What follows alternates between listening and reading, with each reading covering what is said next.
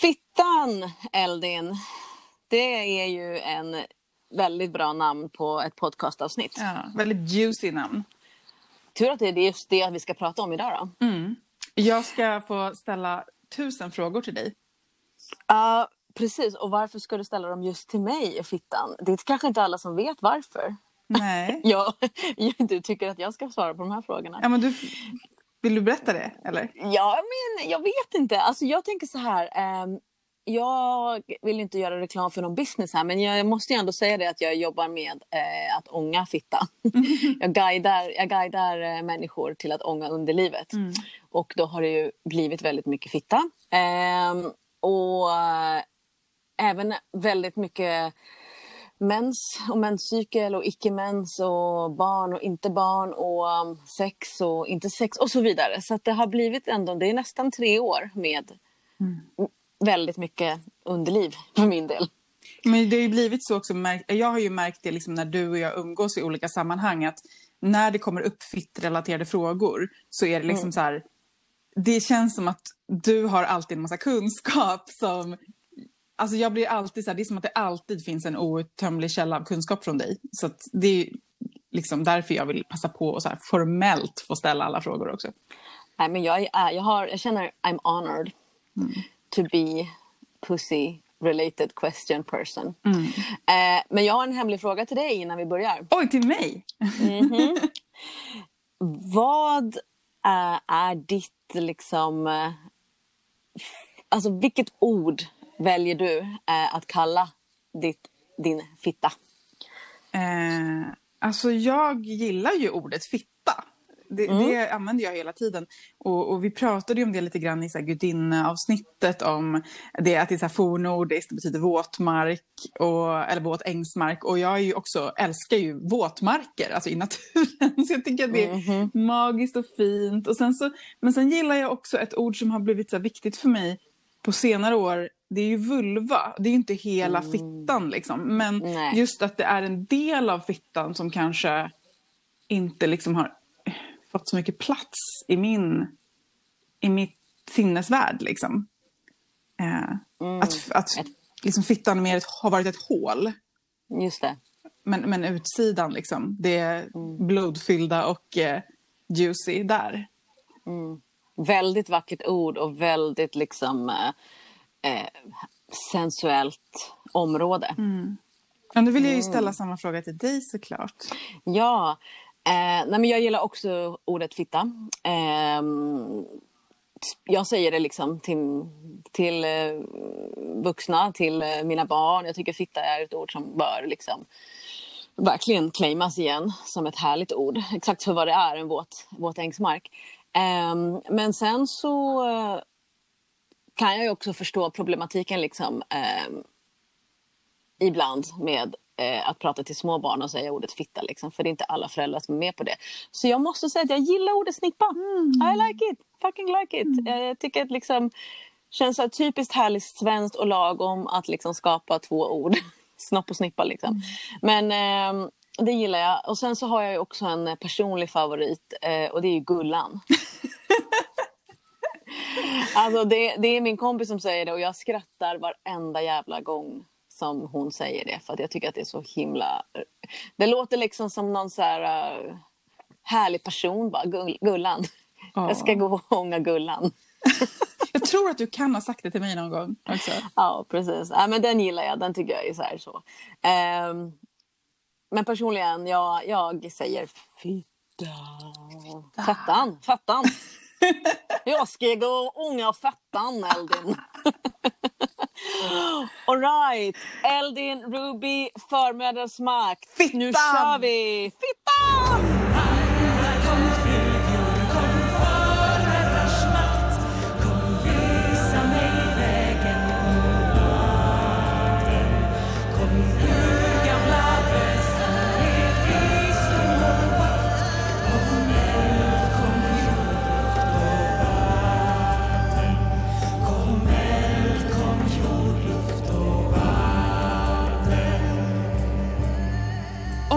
Börja bara med, med liksom typ från början. Vem, vem, ha, vem har fittan? Vem har fitta? det är ju så här att eh, om man har en fitta eh, så kan man ju ha fått den när man föddes.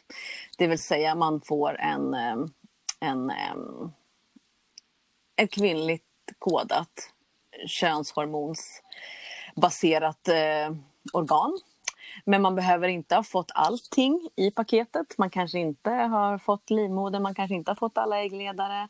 Um, man kan också ha fått eh, en fitta senare i livet, om man har valt det. Mm. Så det är ju inte så att man eh, har en fitta bara för att man är kvinna eller tjej eller flicka. Mm. Det är min definition av det hela. Och sen så skulle jag också vilja säga att eh, ibland kan man ju också ha som en mer mm, kosmisk fitta. Just det. Eller hur? Man kan ha en kosmisk livmoder. Um, om man nu ska prata om att kanske liksom man kanske har tagit bort sin livmoder eller man kanske har behövt liksom op operera delar av underlivet och då kan man ändå ha um, liksom den energin i den platsen så att säga. Och där knyter du an lite grann till en fråga som jag funderade på. Det är liksom hela det här avsnittet nu som vi pratar om. Så här, mm. eh, för vem är det relevant att liksom prata om och tänka på fittan? Är det, liksom, är det här avsnittet för folk som har fitta? Nej, alltså jag tycker att eh, det här avsnittet är absolut för alla. På grund av att det finns så himla mycket eh, problematik kring fittan. Och att om man ska guida en, eh, en dotter, en syster, en, en, en flickvän, en partner eller en person som har fittrelaterade problem så är det bra att känna till fittan och liksom kunna avdramatisera den hela lite grann. Ehm, för eh, alltså jag skulle, det finns så himla mycket saker som är osunda med relationen till fittan.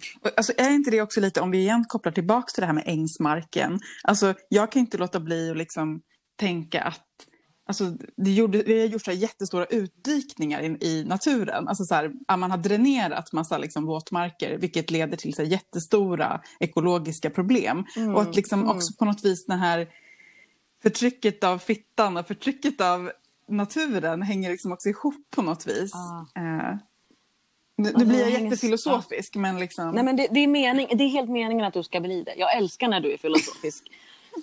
Verkligen. Fortsätt, fortsätt. Sluta aldrig.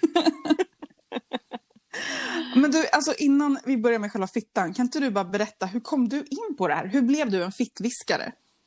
Ja, hur jag blev det? Eh, det handlade om eh, att jag upptäckte ångningen. Att ånga. Eh, och det gjorde jag för att jag hade... Mm, jag har två barn. Och det, det när jag väl ville försöka bli gravid igen så gick inte det på grund av att jag hade gjort en operation eh, i underlivet. Och eh, alla liksom sa till mig att eh, du kommer inte kunna bli gravid igen och du kommer eh, behöva göra IVF. Och om du kommer bli gravid så kommer det bli en utom, ett utomhavandeskap. Eh, så att du liksom, du, du har, vad tror de sa, så här, men du har fem det är 5% chans att du blir gravid. Liksom. Och eh, då hörde jag bara liksom hela tiden 95% inte bli gravid. Jag liksom tänkte inte ens på de där 5 procenten. Eh, och i början var jag ganska cool med det. Jag tänkte det är lugnt, jag har ett barn. Liksom. Men sen så blev det ändå som... Ja, men vi längtade. Och eh, hela grejen med den här att jag inte kunde bli gravid handlar också om, nu blir det lite personal här men det är okej okay för mig, hoppas det är okej okay för er. Mm. Eh, det var ju att jag hade blödigt från mitt underliv eh, och liksom haft problem eh, under en sommar typ. Men jag tänkte så här, ah, det är ingen fara, så här, det är lugnt. Och sen så gick jag och kollade och då kunde de inte hitta någonting. Eh, de liksom tänkte, ah, men det är något, det är det är nog kanske liksom bara att du är lite känslig, så här, vila lite. Jag bara okej. Okay. Och sen så gick jag tillbaks eh, en gång till lite senare och då var, det liksom, då var jag i Frankrike och då var det bara så här, liksom byns läkare som kände och tittade. Han bara, ah, men du är nog lite förstoppad och så här, jag bara okej. Okay, och sen så gick det blev bara värre och värre och så tänkte jag men fan ja, jag måste ha fått ett missfall. Mm. Eh, och det är därför jag, liksom, jag håller på och läker. Och verkligen så här, ignorerade fittan, vad fittan sa till mig. for real. Liksom. Det visste jag inte då, men det vet jag ju såklart nu. Men att, också det där att ingen tog mig på allvar. Eh, men sen så blev det så pass illa att jag liksom, eh, gick till min, då, det jobbet som jag hade då och vi skulle göra en föreställning. Och jag sa bara så här, jag kan inte riktigt vara med idag för att jag är lite mm, jag, blöder liksom lite. Och, och regissören bara, vart blöder du någonstans? Jag bara, nej men jag blöder från underlivet. Och han bara, va? Blöder från underlivet? Vad gör du här? Jag bara, nej men jag vill inte missa liksom första repetitionsdagen. Du ska till, nej du ska till sjukhuset. Så han var den första som liksom tog det på allvar, fembarnspappan. Mm. som bara, voff liksom. Uh, så jag åkte till uh, en närakut och de bara så här, eh, viskade lite grann och bara, nej men det är bättre att du åker till eh, liksom gynakuten. Jaha, okej, okay, vad jobbigt liksom. Jag tyckte bara det var så jobbigt. Så åkte jag dit och de eh, typ så här, tog ett ultraljud och bara, men har du inte ont? Jag bara, nej. Och sen så liksom så här viskar de lite grann lite mer. Jag bara, vad är det ni viskar om? Liksom. De bara, alltså, du har typ en blodfylld cysta på över en decimeter bak vid din äggledare. Du, vi ska operera dig nu. Jag bara, nu? Liksom, men jag ska ju jag ska åka till Spanien och göra en föreställning. Mm. de bara, nej det ska du inte. Jag bara, men, jo men på något sätt så kan vi vänta. De bara, nej nej nej. Och så la de in mig och då bara kollapsade jag. Mm. Alltså jag fick så hög feber. Jag, fick, jag har aldrig varit så sjuk i hela mitt liv. Typ så här. 40 000 grader. Nej, men jag bara svettades. Och, så här, ho, ho, ho. och sen så då tömde de då min äggledare på ja, en deciliter var. Och eh, sen så efter operationen så kom det en läkare och han var bara så här Ja, du har ju bara en äggledare som fungerar och den som vi tömde det var ju den eh, som var, funkade och nu är den väldigt ärrad så att det här kommer, det kommer inte gå. Så du kan, jag ska inte vara kvar på den här kliniken och här är mitt kort. Du kan ringa mig sen när du vill bli gravid. Jag bara, ah, okej. Okay, okej. Okay. Du är helt groggy liksom. Mm. Eh, och typ, okej. Okay. Eh, fattade typ inte riktigt vad som hade hänt. Och sen så i det här då och sen så bör, att göra, börja göra IVF och börja liksom, så blev det bara som att jag så här, ett, sjukt mycket skuld över att jag liksom inte hade bara gått, tagit det där på allvar och bara hallå jag vill ha svar. Mm. Men jag var inte den personen som jag är idag. Eh, och sen blev jag liksom bara så här procent och tester och nummer och det kostar så här mycket för ni har redan ett gemensamt barn och pengar och jag bara men gud varför ska jag göra det här när det finns så många barn som man kanske skulle adoptera och varför alltså det blev bara så här, jag blev jättedeprimerad. Mm. Och eh, där började jag försöka hitta någon eller nej, jag försökte faktiskt inte hitta någonting annat. Det kom till mig. Jag berättade den här historien på en, en fest i, eh, i Frankrike. Och där så kom det en kvinna fram. Och eh, jag har berättat den här historien några gånger nu eh, och det känns som att varenda gång jag berättar den så blir hon liksom bara snyggare, mer mystisk, mer liksom längre och bara helt så här uh, utomjordlig. Men alltså en sjukt eh, snygg eh, fransyska eh, liksom med afrikanskt ursprung. Hon var bara så jävla vacker med hon bara sa så här till mig, hon bara What's your problem? Jag bara va? Vad drygt. Jag har liksom så här poured my heart out med den här historien. Hon bara Yeah you have to steam your pussy huh? Jag bara What? Hon bara Yes. You have to steam it. Jag liksom bara What, how do I, what do you mean? Liksom så här. Hon bara You can google it. Så jävla drygt! The modern så witch, drygt. you can google it. you can google it. Oh. Ain't my problem. Så jag bara, alright, okej, okay, whatever. Jag ska googla det här. Och började googla på eh, liksom steam, pussy, pussy steaming, yoni steaming och så vidare. Och bara, vad fan är det här? Det är en hel grej som ingen har berättat för mig att man kan göra. Och det hör till historien att jag älskar att ånga ansiktet. Och liksom när jag är förkyld har jag alltid ångat med örter och liksom rensat. Och jag alltid, om jag har pengar och vill göra en ansiktsbehandling, jag bara, gör ni ångbehandlingar? Ångbastu. Alltså jag älskar ånga. Älskar ånga. När jag var på Island, jag blev galen i alla ångorna som kom upp från marken. Hur som helst, så jag bara, whatever it is, det måste ju vara fantastiskt. Eh, så jag började ånga. Och eh, det var helt otroligt. Eh, helt enkelt. Och i den, när jag började ånga och för första gången i mitt liv, alltså, all, det här är inte, stämmer inte för alla, men för mig var det så. För första gången i mitt liv, i mitt vuxna liv, så kände jag en snällhet mot fittan. Varm, varm ånga mot underlivet. Och jag blev så avslappnad. Och när jag blev så där avslappnad, alltså det hände inte, det var inte bara en gång, jag ångade flera gånger. Och i det, så här, alltså jag blev så, jag, jag ifrågasatte mig själv så himla mycket varför jag har, varför jag ett, inte lyssnat. Varför jag ett, har varit så jävla hård mot henne. Varför tre har jag gått med på så mycket skit? Liksom. Alltså det var ju som att hela mitt liv passerade i revy från fittans perspektiv. Och jävlar vad jag grät. Jag grät i typ två veckor. Mm. Konstant. Jag ångade och grät och grät och grät. Och till slut så släppte någonting i mig. Skuld. Eh, och sen avbröt vi IVF och jag. För att jag var med barn. Mm. Så det här är ju liksom en miracle-historia såklart. Det stämmer inte för alla att ångningen kan göra det här. Men för mig och många med mig har jag förstått så har, har metoden hjälpt. Men för mig var det just den här, varför har jag aldrig någonsin lyssnat på fittan som kunskap, som vishet, som kraft, som she fucking knows. Och så är det.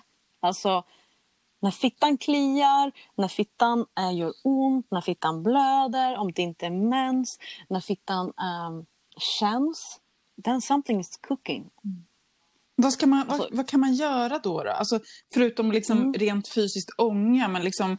Ja. Jag antar att det inte bara är att sätta sig liksom... Alltså, hur? Jo, jo, det är bara att sätta sig. Exakt. Nej, men eh, ja. Alltså om exempelvis om du har eh, eh, vi säger så här, problem med så här, återkommande infektioner som typ svamp, eh, brännande infektioner som kliar och svider. Eh, då första du ska göra när du känner den kliet, det är att sätta dig ner. Liksom direkt. Lägga dig ner om du kan, sätta dig ner och bara, alright, jag lyssnar på dig nu. Vad är det som händer? För att bara stanna upp. Mm. Ofta är ju svamp, återkommande svamp är jätterelaterat till press och stress har jag märkt i då. Men jag säger att jag har märkt det, det är inte på något sätt vetenskapligt bevisat utan det är bara fallstudier av ungefär Ja, nu är jag säkert uppe i 720 ja, alltså för. Du, kvinnor och personer. Som någon slags disclaimer så är ju liksom du inte, ja. du är inte liksom så medicinskt utbildad. Nej. Men att liksom Nej. hela det här avsnittet så pratar vi utifrån dina erfarenheter. Ja, liksom. ja. vi pratar utifrån mina erfarenheter och, jag, och, och liksom samtal med kollegor men också så här, absolut just alla de här personerna som jag har mött när man bara, gud, liksom, det är så eh, connectat och att det faktiskt är eh, väldigt många som som det liksom, det blir, det, någonting händer efter man börjar lyssna på fittan. Men jag tror att, jätte, på tal om så här upplysningsfilosofi, så här, jag tror att jättemånga tycker att det låter superflummigt att lyssna på fittan.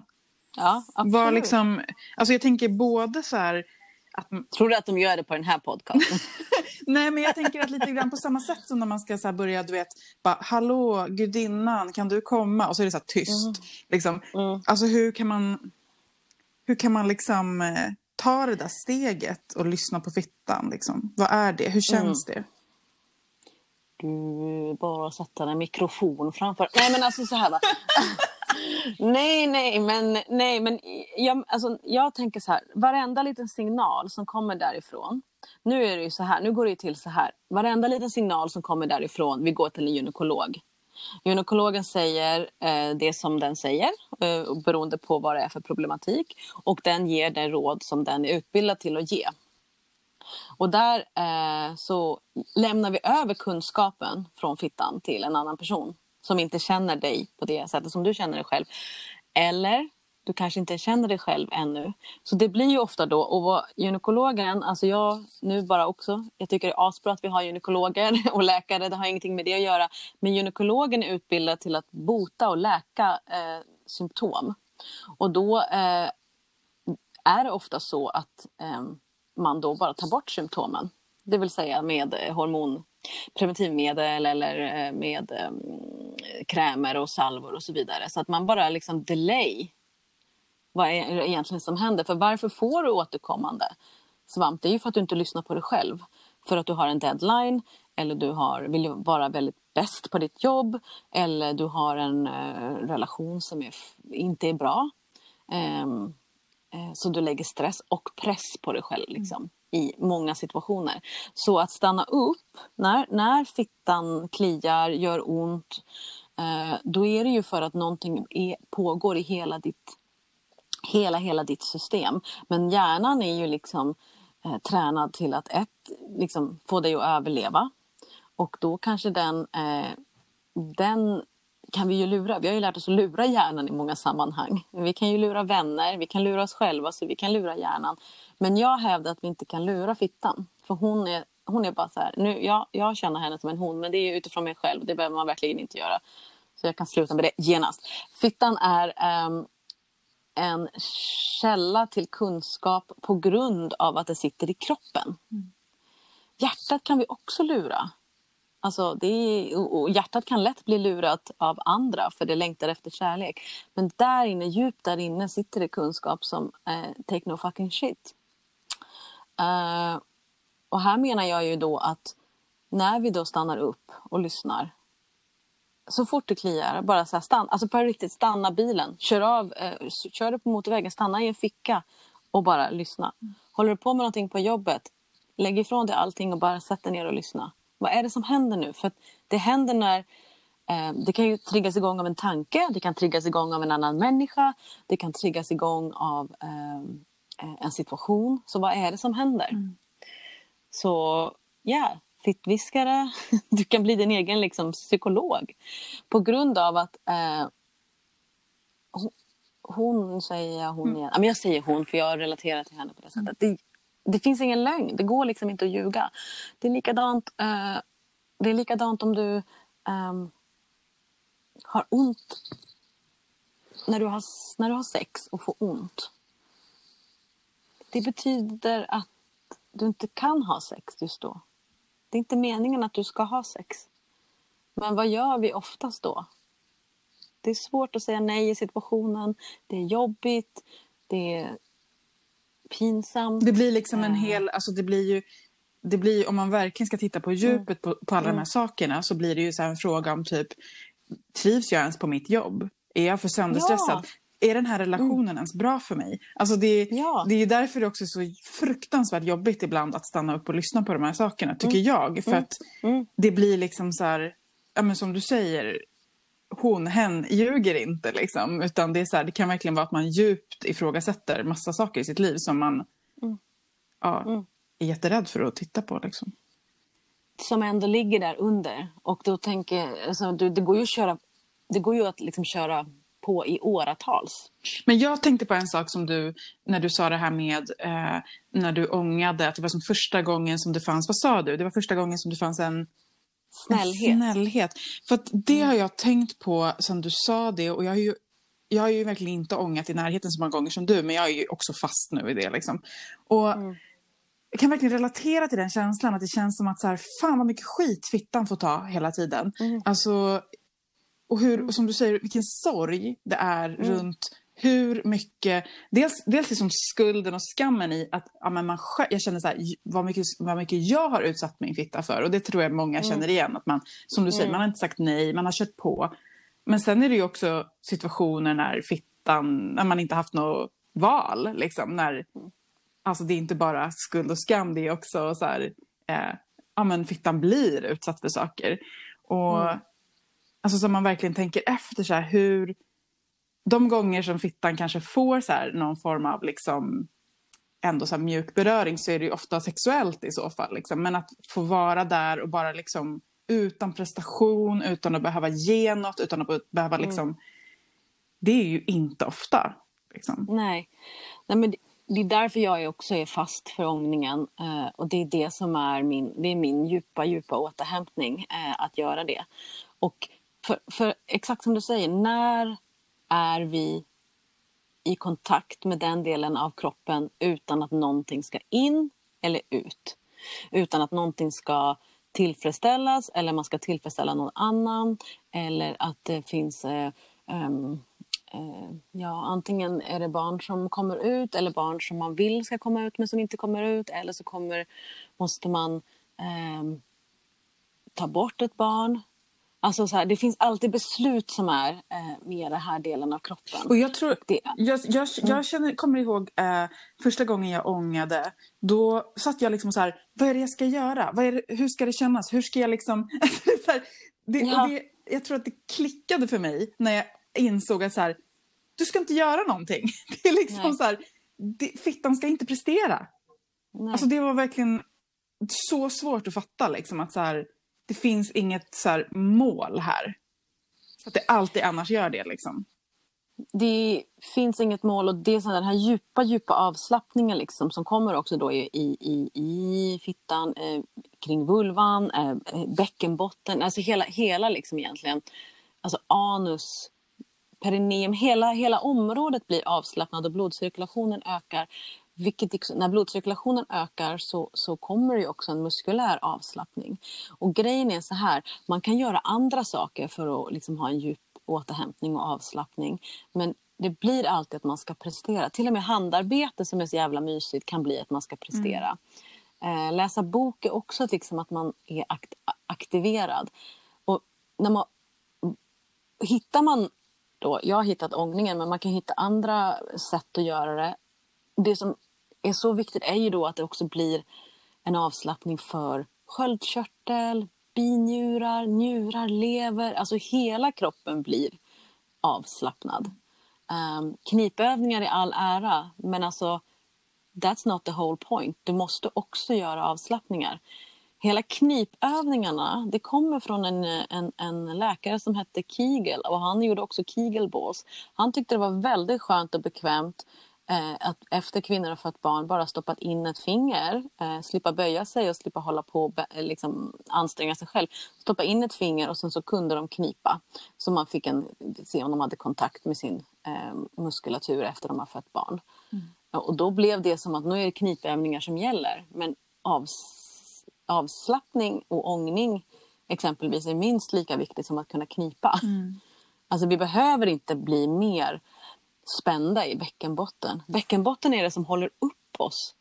Och om vi tänker liksom på vad då som är skönhet, framförallt i väst. Det är ju liksom en platt mage och en någorlunda curvy ass liksom, eh, för en kvinnokropp. Och då så håller man in den där magen hela tiden eh, och andas inte optimalt eh, ner i bäckenbotten.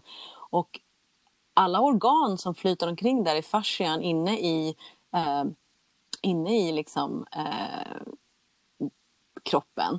Livmoder, äggledare, äggstockar, njurar, lever, urinblåsa. Det, de, har sin organ, de har sin plats liksom, i kroppen och de kan lätt liksom, eh, hoppa ur om man ramlar eller eh, förlossning eller om man kanske tränar för hårt. Och då, får man, eh, då, då kan man få problem med liksom, inkontinens eller man kan få problem liksom med framfall, man kan få problem med ehm, eh, uretrit och sådana där saker. För att alla organ sitter liksom inte riktigt, de inte kommer på sin plats. Och då kan man behöva verkligen så här, antingen gå till osteopat kanske eller få behandling eller måste gå till Eh, någon annan som jobbar med bäckenbottenstruktur och bäckenbottensmärta. Eh, eller bara gör någonting som slappnar av så att organen får hoppa upp tillbaks till sin plats eller lägga sig lite grann åt sidan. Så där är det också av den här avslappningen. Som, alltså om du tänker efter så här, hur ofta kan vi liksom ens slappna av i bäckenbotten? Det är ju nästan när vi sover kanske men då, då är det liksom inte en aktiv avslappning. Då är hela kroppen liksom bara i vila. Men att göra det medvetet, mm. det är en helt annan grej. Det var helt där... nytt för mig när du berättade det för mig. För jag kommer ihåg att vi pratade om för att jag hade så här foglossning. Inte för att jag var gravid mm. utan bara för att av någon yeah. mystisk anledning. Och, och jag, då sa ju alla till mig, alla liksom i läkarvärlden sa ju så att du måste göra knipövningar för att stärka bäckenbottenmuskulaturen. Och du bara, mm, mm, mm. har du tränat på avslappning? Och jag bara, what? Ah. Aldrig hört ordet. Så... Det är läskigt ju. Jag tror att jättemånga tycker det är läskigt att bara släppa ut magen Ja. eller liksom släppa ner och liksom andas utåt. Och man tänker att man andas åt sidorna, att bäckenbotten liksom får bli som en stor ballong som andas åt sidorna. Liksom så take that place. Ehm, det tror jag är jätte, jätteläskigt eh, för väldigt många personer. Men jag tänker jag ska också bara säga en sak om, om ehm, fittan. Jag träffar ju väldigt många personer som också liksom känner att jag vill inte, nej, jag vill inte ha med den att göra. Just det, kan vi inte prata lite om det? Jo, absolut. Att det är så här navel och sen lår. Mm. Den där platsen har blivit så shamead och så förstörd.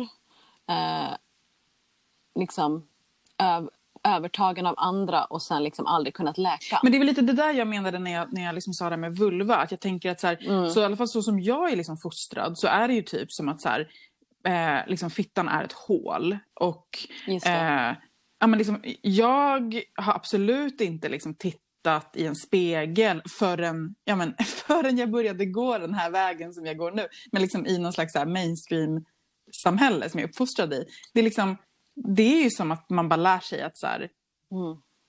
liksom Barbie doll body. Liksom. Alltså så här, det, är Ja. liksom ing- det är inte ens ett hål, det är bara liksom, det där finns inte. Vi bara gör en platt. Det är ju verkligen, alltså det är som att det finns um, noll kunskap om hur olika fittor ser ut. Eh, eh noll kunskap om liksom, blygdläppars olika storlekar, olika längd, olika liksom, um, sätt att vara. Ehm, hur stor klitoris faktiskt är. Eh, hur, liksom, um, hur, uh, hur fittan faktiskt fungerar eh, sensuellt men också liksom menstruationsmässigt eller eh, det, det, det, det är verkligen sådär att i de äldre generationerna så har vi ju liksom verkligen absolut inte pratat om det. Om jag sitter liksom och kanske håller en, en måncirkel, en måncirkel där jag antingen är med eller liksom håller i den, då sitter man ju oftast i ålders i ålder. Så den yngsta sitter och så går man liksom vidare eh, runt som i en cirkel tills man kommer till den äldre. Så den yngsta och den äldste sen liksom sitter bredvid varandra. Och då skulle jag, alltså, jag skulle säga att det är så. Kommer du liksom när du har eh, yngre liksom, personer, kanske i så här, framförallt då kvinnor i 25-30-årsåldern som verkligen kan prata om att så här, måla sig själv med mensblod och älska till mensblod och, och hylla det och ehm, bara älska liksom fittan och fittans kraft och så vidare. Och så går man vidare och så någonstans liksom ja, vid min ålder, vi så här runt 40 och sen upp där, där börjar det liksom hända saker. Där är det som att den världen som de nämner är helt what the fuck liksom. Där kan det verkligen vara så där att ja, skammen och skulden, inte gått dit, eh, knappt onanerat. Eh, om man liksom använder sig av den delen av kroppen så är man en hora. Eh, liv, livmödrar som har blivit uttagna utan att förstå, de har förstått beslutet. Och så mycket kanske övergrepp också. Alltså det, Övergrepp. Inte bara liksom det här att man, övergrepp. typ, eh, att man kopplar bort den delen. Man kopplar också ofta kanske bort den på grund av trauman. Liksom.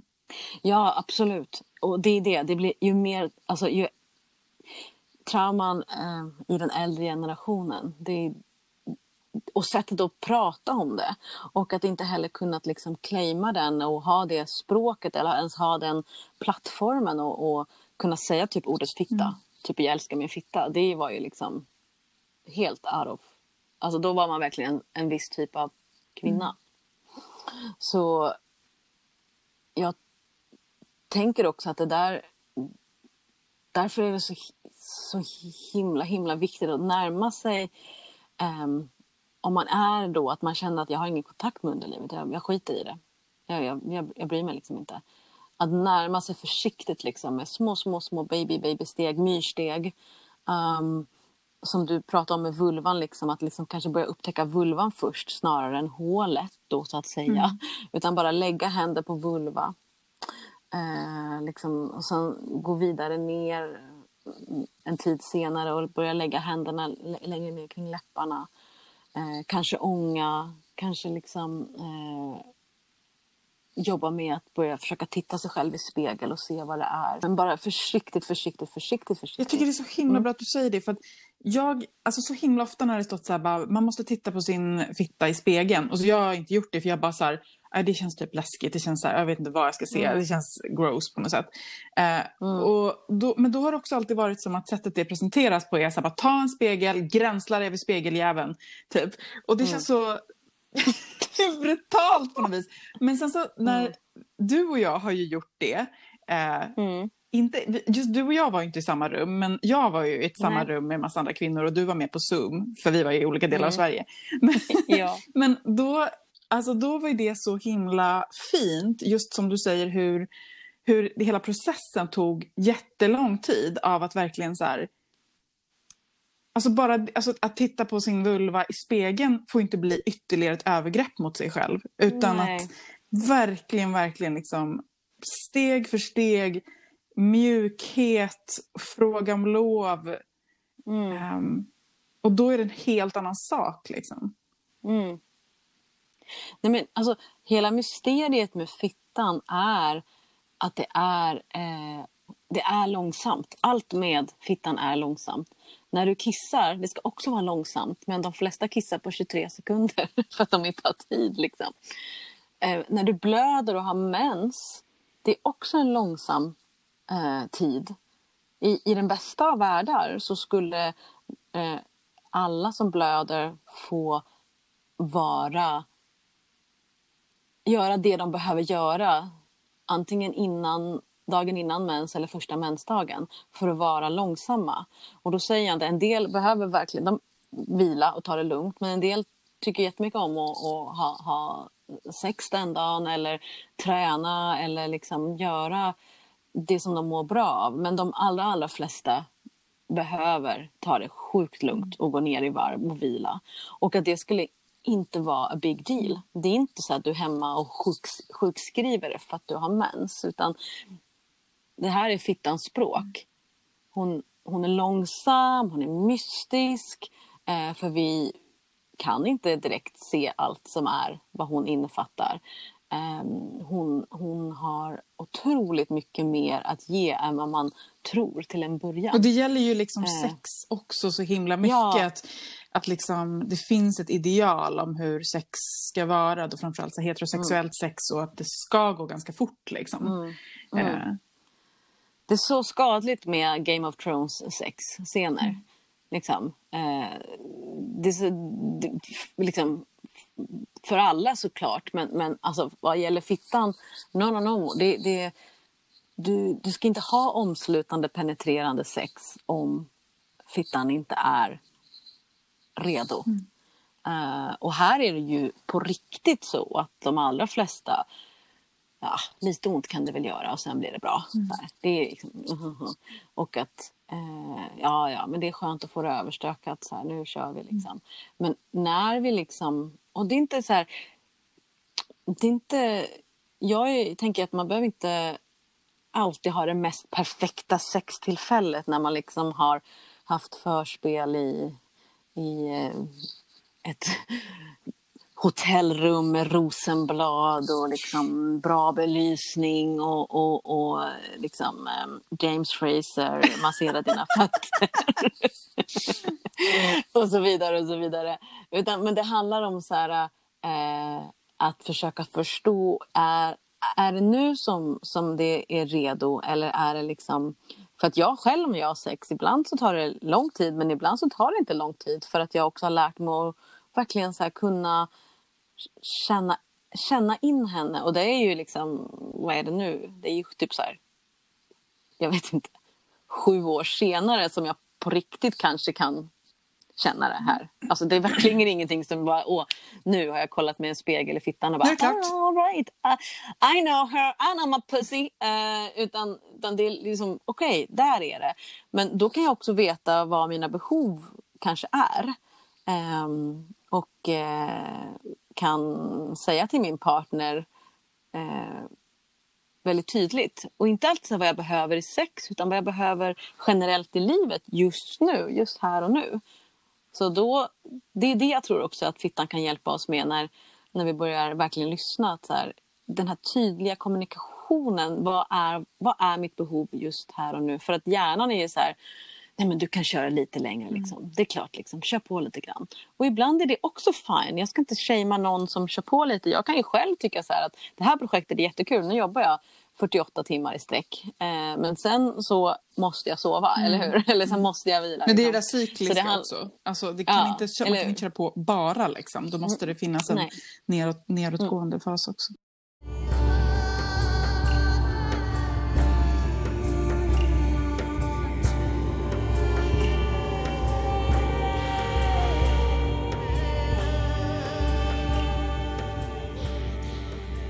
Apropå sex också så är det ju så att heterosex är ju ofta liksom det som vi ser på mainstreamfilmer och så vidare. Och vi ser ju oftast inte eh, speciellt sunda, realistiska sexscener.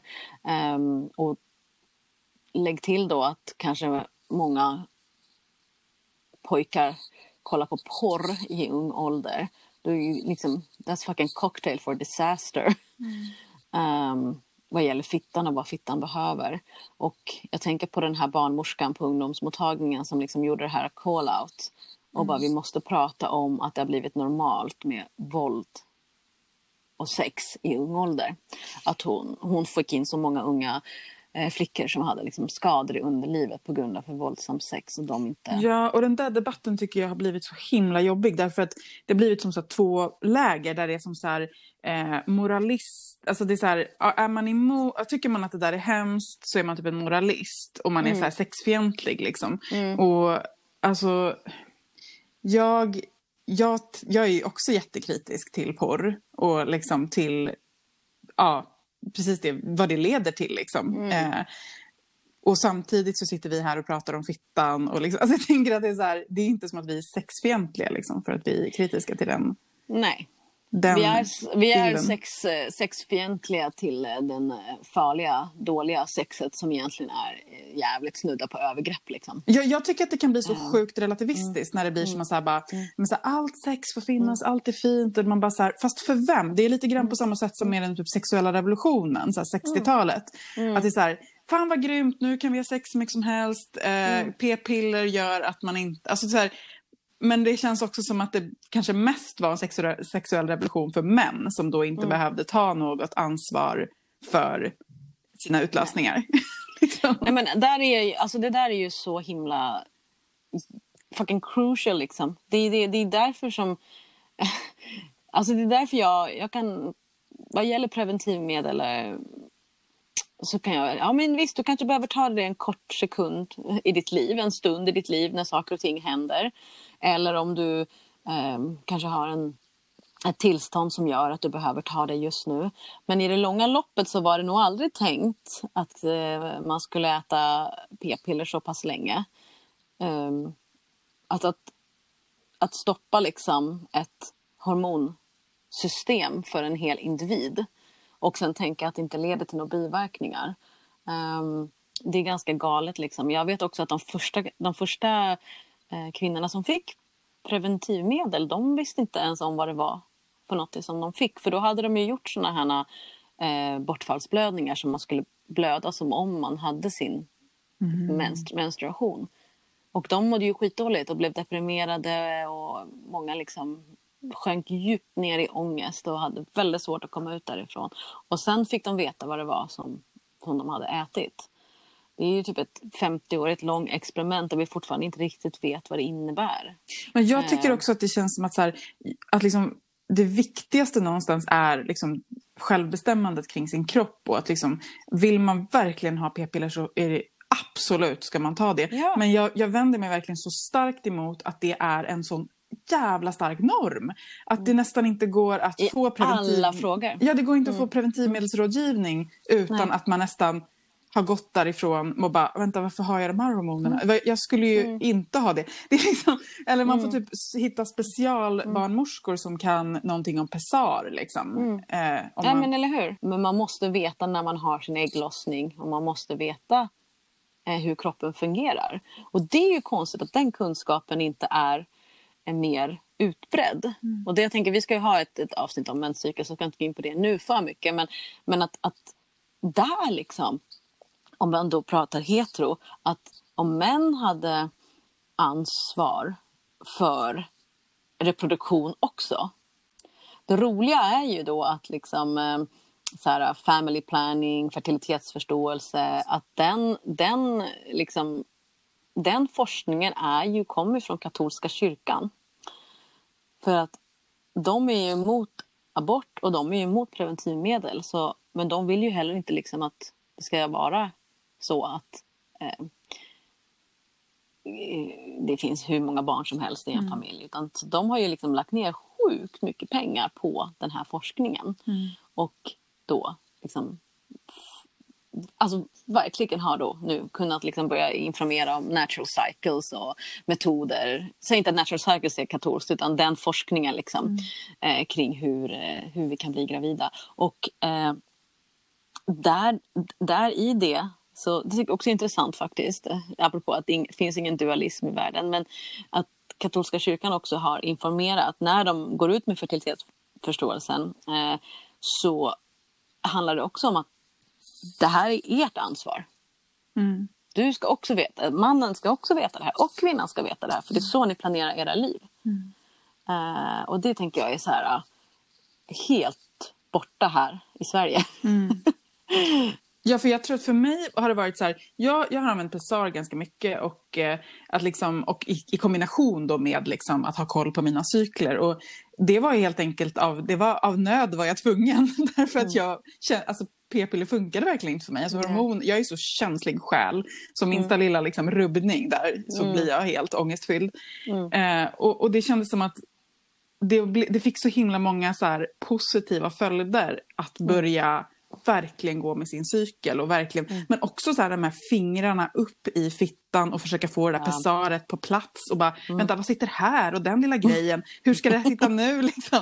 Alltså, det i sig liksom är så himla bra, tycker jag. Det, det är ju alltså det, det är ju någonting som, åh jag skulle liksom, det, det är ju någonting som skulle vara så intressant liksom att prata mer om. Att så här, bara liksom känna efter med fingrarna. Eh, unna dig kanske en eh, fittmassage av någon som kan, någon som är osteopat eller liksom annan utbildning som kan berätta för dig. Här, här sitter din äggledare, så om du trycker här med fingret så kan du massera den. Här har du den här punkten, det där, det där, det där. Och lära sig och kunna. Um, det är ju... Alltså, wow, vad coolt. Precis som liksom vilket annat, liksom, annan del av kroppen som helst. Mm. Men jag tror också så här eh, om man börjar liksom så jämföra grejer, för det har jag gjort för att så här, försöka få någon så liknelse i hur, hur liksom, vad vi gör och vad vi inte gör med fittan. Exempelvis här, om vi tänker så här, det som jag pratade om i början med återkommande infektioner och obalanser eh, i, i, i fittan underlivet. Att om vi tänker typ, om vi skulle liksom jämföra den med typ korallreven. Som just nu är liksom, det, korallreven är en del av havet och just det området just nu har problem. Och därför så vidtar vi otroliga åtgärder för att det ska leva. Får inte bada där, inte snorkla, inte liksom eh, liksom, det är ett, liksom ett område som inte är avspärrat men man måste vara väldigt försiktig när man är där. Om man tänker då att liksom, det är inte hela fittan som är fel på utan det är bara just nu ett litet område i fittan som behöver extra tender care. Extra mycket försiktighet. Du behöver informera din partner om att just nu är det känsligt läge. Hen behöver tvätta fingrar, kanske skägg, kanske penis, sexleksaker. Dina egna fingrar måste tvättas. Ehm, du behöver liksom se över vad du har för underkläder. Är de liksom triggar de dig. Um, du behöver uh, se kanske över viss kost, om det är någon kost som triggar dig. Alltså du behöver vidta olika åtgärder men det är inte så att hela liksom, uh, fittan är out of, in, inte fungerar. Den kommer återhämta sig precis som korallreven kommer återhämta sig. Men vi måste verkligen ta den på allvar. Mm. Och inte köra på, fortsätta köra på. Mm. Och de flesta kör ju bara på liksom och så får man en kräm eller får man någon Supetor och kör upp och sen så kommer det tillbaka och så kommer det tillbaka och så kommer det tillbaks. Um, eller liksom är, eh, vad ska vi, ja men typ så här om man då har ont i fittan eller blöder som jag gjorde utan att liksom bara blöder liksom. Och tänk om jag skulle blöda liksom ur näsan eller ögonen och sen bara gå till jobbet och bara, allt är bra. De bara, nej men du blöder lite i ögat. Bara, nej, nej men det är ingen fara. det finns bara, liksom ingen annan kroppsdel som man nej. skulle behandla så. Nej, ingen annan kroppsdel. Så bara så här, ah, nej men så här, ah, det, det gör lite ont i munnen så här, men jag trycker in en sked ändå med mat och käkar. alltså det är alltså, svårt att ha liknelse. nej men ja, eller liksom så här, typ eh, också så här, om man tänker så här endometrios och myom och sådana här lite större problematik under livet så kan ju ofta, eh, eller har ju många kvinnor fått så frågan om deras mamma hade det. Så här, ja men då har du nog också det. Så bara så här, ja, men det, det är också så här, hade din mamma ont i knät? Bara, ja, men då har du nog också ont i knät. Mm. Men det är ingenting vi kan göra åt. Om du vill kan vi bedöva hela knät så du inte känner det. Eh, och sen så liksom, eh, kan vi se vad som händer om några år. Mm. Eller så får vi ta bort knät. Men det är ju det här att smärta i underlivet är normaliserat. Alltså både vid ja. sex och i livet överhuvudtaget. Mm. Det är liksom så här, det är man, och mm -mm. Det är liksom någonting som man från så tidig ålder har lärt sig mm. att mm. leva med. Liksom. Mm. Så djupt internaliserat patriarkat i mm. fittan. Och det, det, det, det, det är någonting som jag verkligen, verkligen brinner för. Att liksom så här, eh, jag har ju valt att krossa patriarkatet med liksom kärlek till fittan så att säga. En av metoderna. Men på riktigt, att få fler och fler personer att, att liksom jobba med fittan som ett eh, och, och, och kraftcenter, som en kunskapskälla, som vishet, eh, som intuition. Alltså, jag kan verkligen, eh, om jag... Det är inte alltid så att jag bara, åh, jag lyssnar så här 100 procent. Eh, men typ som nu, nu har ni lyssnat på podcasten ett tag och ni vet att jag har haft diskbråck och varit sjuk och jag har fått medicin. Det är som en helt annan fitta. Mm. En helt annan fitta än jag hade innan. Den kän, jag kan knappt liksom röra vid mig själv för att jag får typ ingen, jag har ingen känsel. Mm. Eh, flytningarna, sekretet helt annorlunda. För att jag förmodligen har så himla mycket medicin. Mm. Jag har heller inte kunnat ånga, så kan också vara en del. Men mensen luktar helt, den, den luktar illa, den brukar aldrig lukta illa. Så att det här är liksom fem månader där jag har ändrat mitt liv drastiskt och det, den största skillnaden märker jag i min fitta.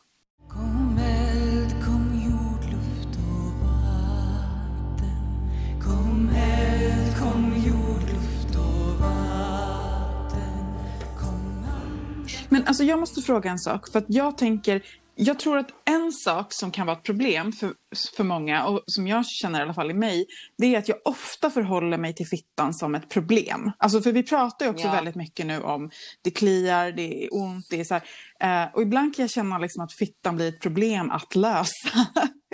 mm. eh, och så här, kan man, kan, kan man också prata om fittan som så här, på ett annat sätt. Alltså, jag tänker, det är ju mycket problem på grund av att vi lever i ett patriarkat. Så vi måste mm. liksom, det är ju allt det här. Men hur kan vi också liksom förhålla oss till fittan som någon så här, på ett annat sätt, på ett så mindre liksom, problemorienterat sätt. Förstår du vad jag efterlyser? Mm. Ja, jag tror jag förstår det. Uh, men jag, uh, när det funkar och när den är... När, alltså det finns ju jättemånga personer som inte, har, inte alls känner som att det är ett mm. problem utan att den är juicy, den funkar, man har liksom... Um, man har ingen... Man har inte problem med den. Men det är ju också människor som kanske eh, ett, inte har varit med om övergrepp eller två, verkligen har liksom arbetat med mm. problemet.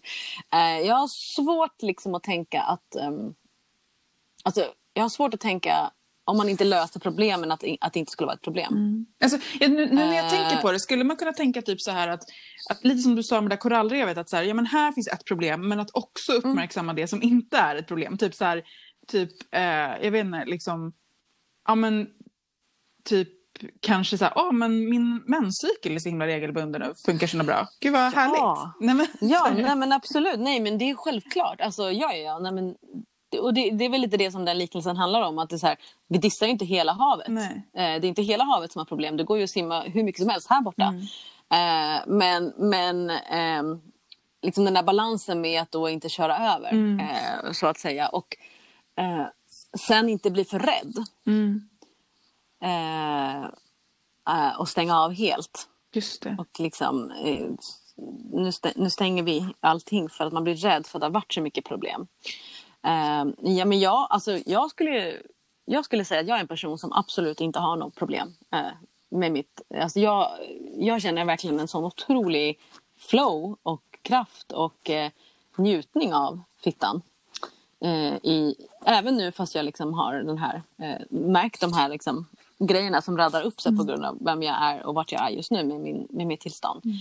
Så det är klart att det går och det är, jag kan säga att det är inte alla äldre kvinnor som har ett problematiskt eh, förhållande till eh, fittan utan det är ju jävligt många power klimakterie kvinnor som har berättat hemligheter för mig om fittan som jag inte visste. Mm.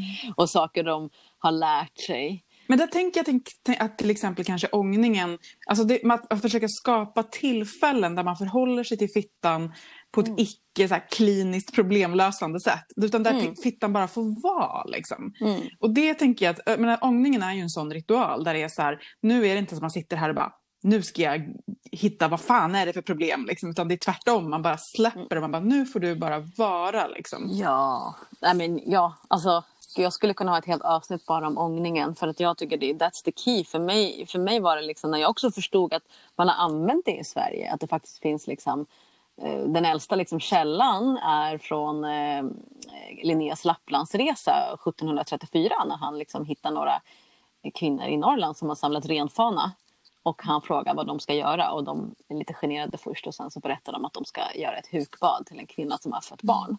Ja, jag stötte ju också på, jag stötte också på eh, fittångning innan jag träffade dig och det var via vänner i Rumänien.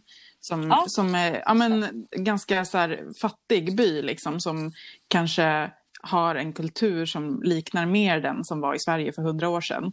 Eh, och då var det liksom då var jag med på ett, på ett hukbad, mm. ett rumänskt hukbad. Mm. Och då hade jag absolut inte hört talas om Joni Steam eller Snippsauna. Mm. Liksom. Så det är ju inte något nypåkommet.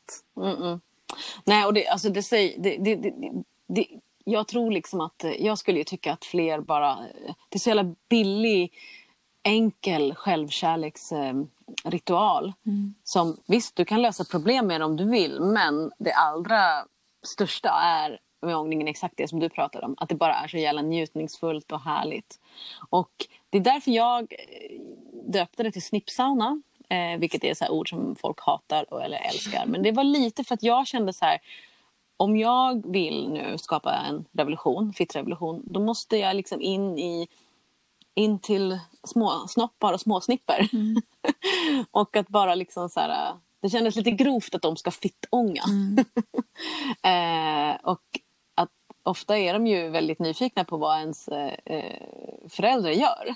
Och så gör de likadant. Och då är det etablerat när de är små barn och när de kommer upp i tonåren kan de använda det då. Och sen så kanske de eh, liksom har det med sig så att det alltid går att använda som en... För det kan vara svårt att initiera det eh, mitt i en ja, när man är 14, 15, liksom, att det blir väldigt liksom så här, what the fuck is this? Och där.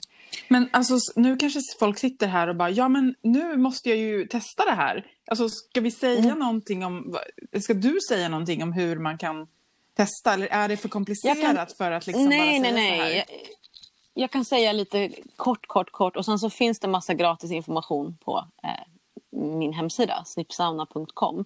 Men det är väldigt, väldigt, väldigt kort beskrivet man tar eh, en, eh, en kastrull med varmt vatten, eh, typ, eller ett kallt vatten eh, eh, och lägger i örter. Säg typ två liter kallt vatten och så lägger i örter. Eh, om man eh, tycker att det är problematiskt med att välja örter så kan man ju absolut köpa örter av mig eller någon annan. Eller så kan man ta någon så här nybörjarört, typ pepparmynta eller ringblomma eller citronmelis. Det kan typ inte bli fel liksom. Nej, kamomill, det kan inte bli fel. Eller om man känner sig väldigt osäker och inte vill använda örter kan man bara ta vatten och jobba med ångan. Mm. Eh, och sen så låter man den här liksom, blandningen sjuda upp.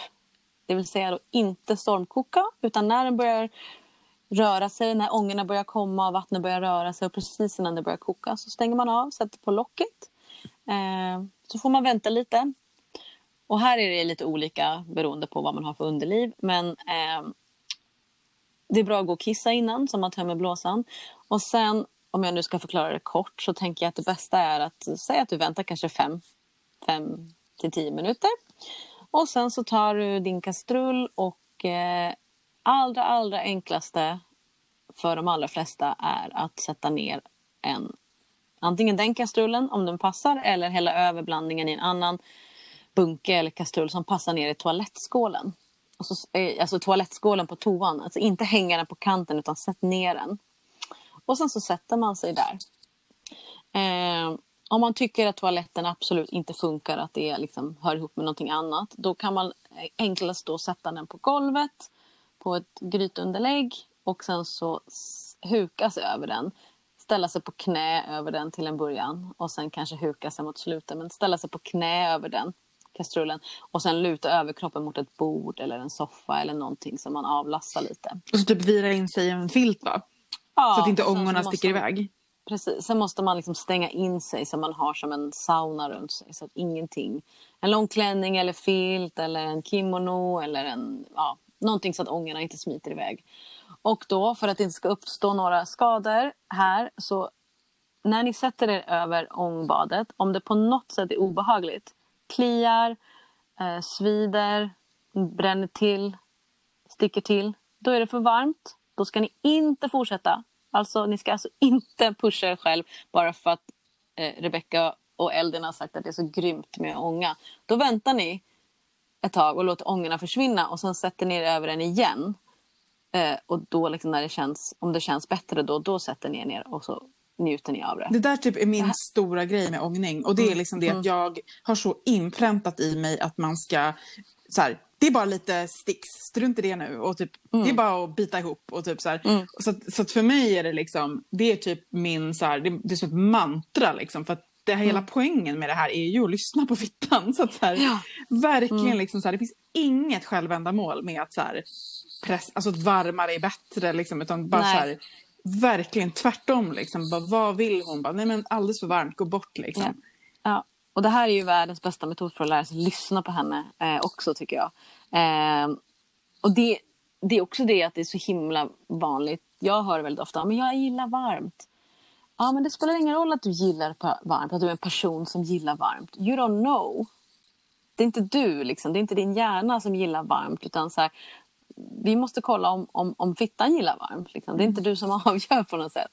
Mm. Och så. Eh, och sen sitter man kanske i 10, 12, 15 minuter. Och sen är det ju så att du ska ju inte ånga när du är gravid. Du ska heller inte ånga om du är mitt inne i en svampinfektion brännande infektion, urinvägsinfektion.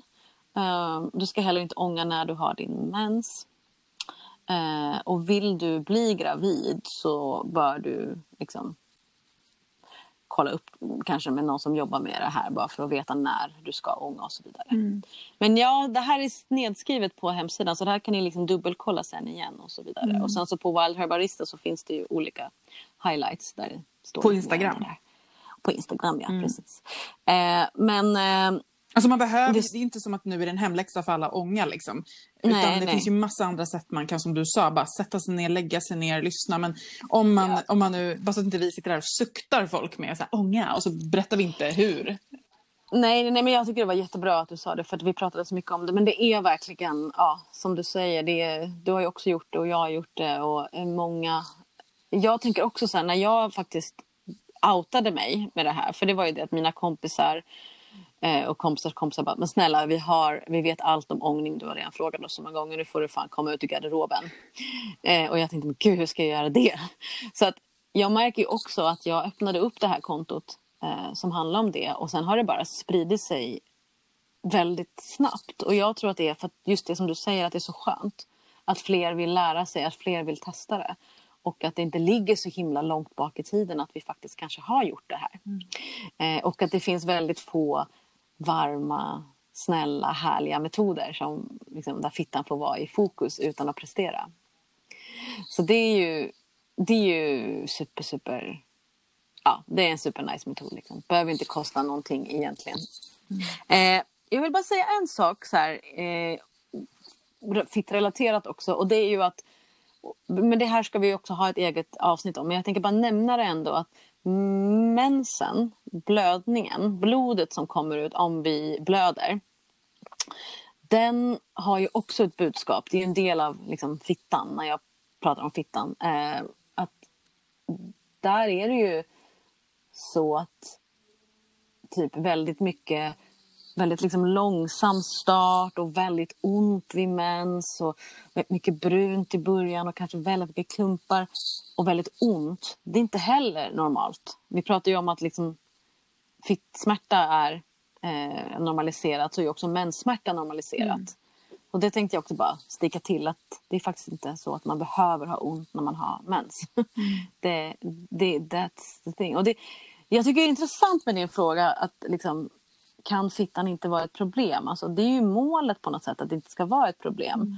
Men jag har tänkt på frågan nu sen du ställde den. Liksom att så här, det är ju det är ju kanske så att vi måste sprida mer förebilder om liksom också problemfria fitter och härliga fitter. Mm. Um, Vad är det bästa med fittan då? Om vi, om vi tar det perspektivet. Ja, ja. Frågar du mig? Ja. Får, jag fråga, får jag fråga dig sen? Ja, men okay. då, om du frågar mig, så det bästa med fittan är ju... Eh, jag tycker, alltså, vet du vad jag tycker det coolaste Nej. med fittan är? Det är att den kan ändra storlek. och att den är så djup. Mm. Och att den kan liksom... Eh, allt ifrån liksom att eh, vara så här, liksom ganska liten och, och trång så kan den eh, klämma ut ett barn eller så kan den liksom ha en penis eller en sexleksak där inne.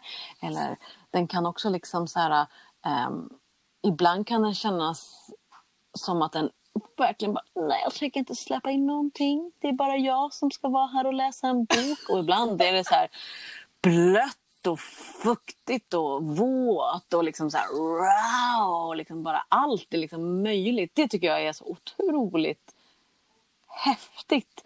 Och att det liksom inte syns. Mm. Att allt det där är på insidan och att, att upptäcka en fitta liksom och, och, och att, att, att liksom vara nära en fitta, att, slicka eller ligga nära, att få upptäcka allt det där. Det är så jävla coolt.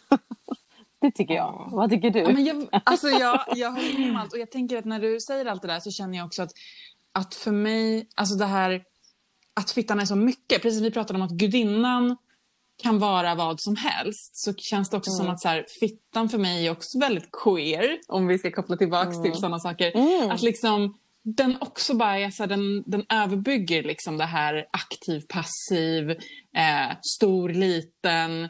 Eh, mm. att liksom den överbygger dualismen för mig och kan ha både liksom, den kan vara både sårbar och kraftfull. Och den kan både vara utåt mm. och inåt. Och, eh, och den kanske inte fått vara allt det där liksom. Men när jag verkligen känner efter liksom, så, så finns det både det där. Liksom, både och. Ja. och det... Det, är liksom, det är både kropp, liksom, embodiment och eh, intuition och eh, kunskap på något sätt. Alltså det är väldigt liksom... Um, om man har riktigt, riktigt bra sex då är det ju nästan som att man typ uh, känner att vad som helst är möjligt. uh, alltså det, det, det, skapar ju otroliga liksom, um, möjligheter också om, om när fittan används till för en själv liksom, kan användas och vara en eh, punkt för njutning. Och visst ska väl vi ha ett avsnitt om sex? det är liksom, ha måste man ju nästan ha. Men alltså innan vi börjar kanske avrunda det här avslut- Ja. avsnittet så kom jag på en sak som jag tyckte var rolig. Och det var ju det här med att vi en gång, du och jag, har ju utforskat vilket element våra fittor är. Just det! Alltså jord, Ja. eld, luft, vatten. Eh, och det är ju så här, alltså det, det är ju liksom inte som att det är någon så här, så här är det, men det är ett ganska roligt sätt. Alltså om vi ska igen så här kunna typ kanske ko- närma sig fittan på ett sätt som inte bara är problemorienterat liksom, så är det ett ganska roligt sätt att utforska fittan. Det är väldigt roligt. Va, va, nu minns inte jag, var det quadrush? Det var inte... Jag kommer inte ihåg vad exakt var det kommer ifrån. Jag tror att det är quadrushka som har använt Vad de är här det? element... Vad är quadrushka? Quadrushka är typ som um, tantric knowledge Ah. fast för um, eh, native american. Okej. Att det finns liksom en sexuell mystik, sexuell magi. Mm. Som precis som tantra har också blivit väldigt used by white people och inte alltid blivit som det ska vara. Mm. Och där så finns ju de här då deer, deer, pussy, eagle och elementfittorna. Mm. Men jag tänker, och jag tänker att man kan liksom, alltså det finns ju massa så här, ser den ut si eller så, ser den det här. Men jag tänker att man kan också bara så här, för så blev det nästan för mig nu senast jag gjorde det här. Att, att jag liksom släppte hur, liksom så här, alla så här, regler typ för vad som är vad. Och istället bara typ tonade in. Jag satt med en spegel och, men också så kände på insidan så här, vilket element kommer till mig i min fitta här nu. Liksom. Eh, Men det är en jätterolig grej att göra och jag tror spegeln faktiskt, alltså om man kan göra den på rätt sätt och inte känna sig tvingad så tror jag spegeln är, den är, den är pretty awesome. Men jag alltså. tänker typ så här, sätt på musik, tänd ljus, sätt på rökelse, gör det till en så här riktigt, inte någon så här klinisk på toaletten-grej. För då kan det kännas mycket Nej. mer så här, kanske, eller Ja. jag, jag känner att det blir mer så här, nästan lite ett övergrepp på mig själv liksom. Men att göra det till någonting väldigt, väldigt mjukt. Ja, väldigt mjukt och det kan bli väldigt vackert. Eller kan också få liksom bara se vilka känslor som den faktiskt släpper fram när man, när man tittar på den. Och jag, jag kommer ihåg att jag tittade på den första gången var jag väldigt ung för jag hade läst liksom ehm, jag hade dels kollat på stekta gröna tomater och sen så hade jag eh, läst någon artikel i någon så här kvinnotidning när jag var typ, jag vet inte, 17 eller 18. Och då kollade jag. Och jag kommer ihåg att jag blev så jävla skrämd. Eh, och bara wow, va? Det ser inte, va?